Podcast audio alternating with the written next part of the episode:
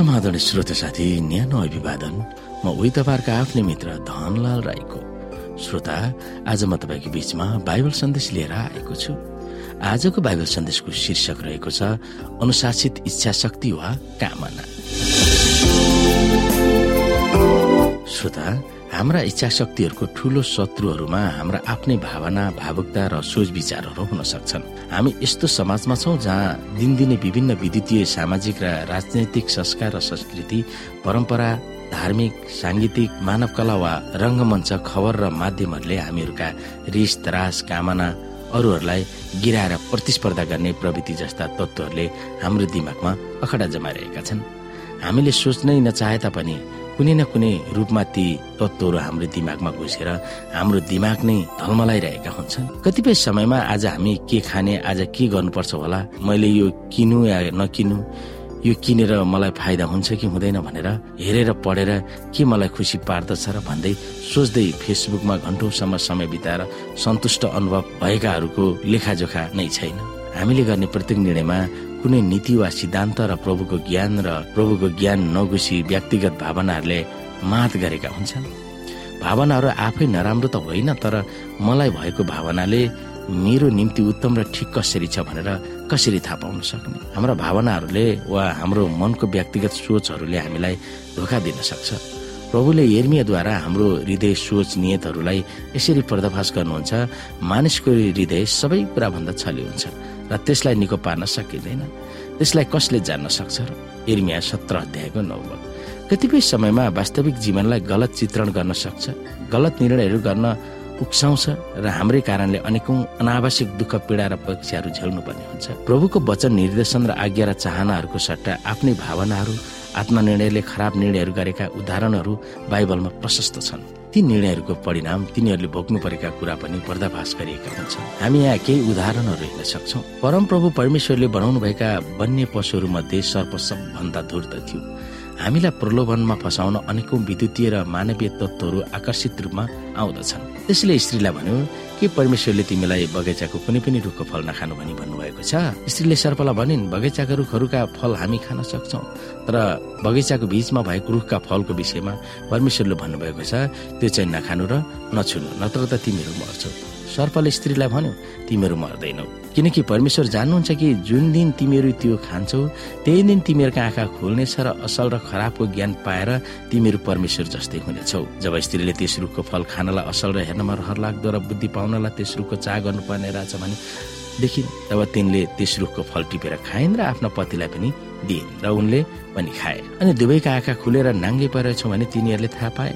अनि अन्जिरका पातहरू गाँसेर आफ्ना निम्ति तिनीहरूले वस्त्र बनाए। अनि साँझ पख परमप्रभु परमेश्वर बगैँचामा डुल्दै हुनुहुँदा तिनीहरूले उहाँको स्वर सुनेर मानिस उनकी पत्नी बगैँचाका रुखहरूका बीचमा परमप्रभु परमेश्वरको नजरबाट लुके। तर परमप्रभु परमेश्वरले मानिसलाई बोलाउनु भयो त कहाँ छस्? उनले भने मैले तपाईँको स्वर बगैँचामा सुनेर म डराएँ किनभने म नाङ्गे थिएँ र म लुकेँ। उहाँले सोध्नुभयो त नाङ्गे छस् भनेर कसले भन्यो?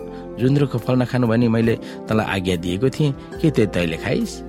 मानिसले भन्यो जुन स्त्री तपाईँले मलाई मसँगै रहन भनिदिनु भएको थियो त्यसैले मलाई त्यो रुखको फल दिएर मैले खाएँ। अनि परमप्रभु परमेश्वरले स्त्रीलाई भन्नुभयो तैले यो के गरिस्? स्त्रीले भनिन् सर्पले मलाई छल गर्यो र मैले त्यो खाएँ। उत्पत्ति तीन अध्यायको एकदेखि तेह्र।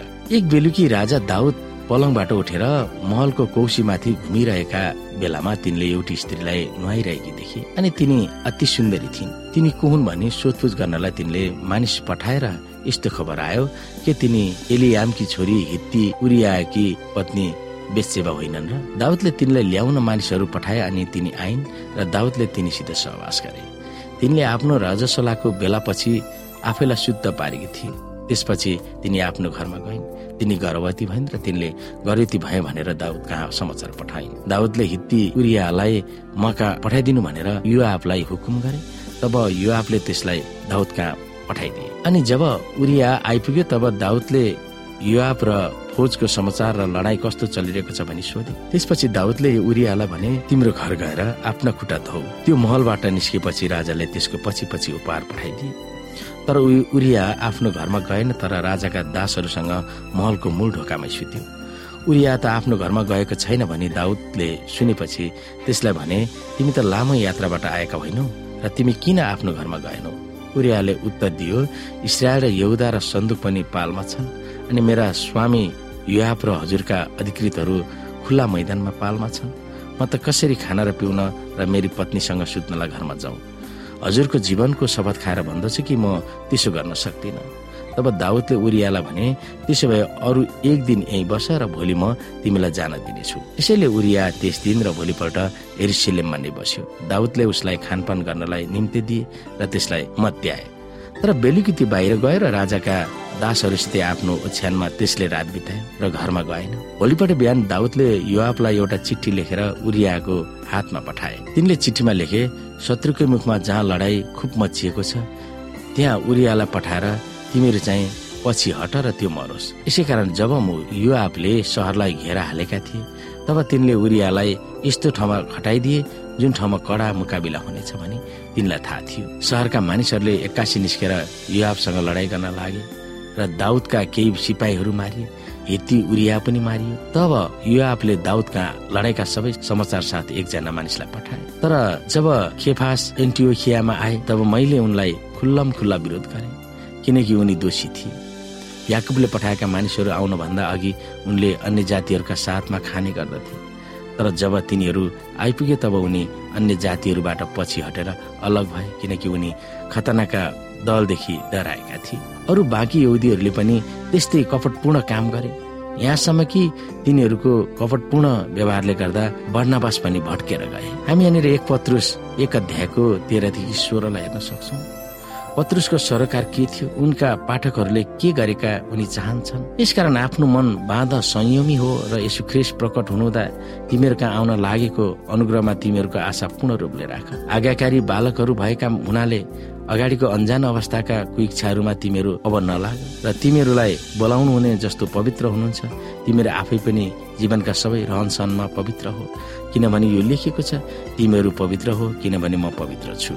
हाम्रो शरीर जीवनशैली मनस्थितिलाई चलाइराख्ने घुमाइराख्ने तत्व वा उपकरण वा रडर हाम्रो दिमाग हो भनेर पत्रुसले बुझेका थिए। दिमागलाई नियन्त्रण गर्ने तत्वलाई अनेकौं माध्यम वा ब्रेन वास गर्ने प्रक्रियाद्वारा निकालिदिनुहोस्। त अनि हामीहरूलाई हाम्रो सोच विचार बुद्धि ज्ञान आदिले होइन हाम्रा आवेग भावुक वा भावनाहरूले हामीलाई नियन्त्रणमा राख्दछन्।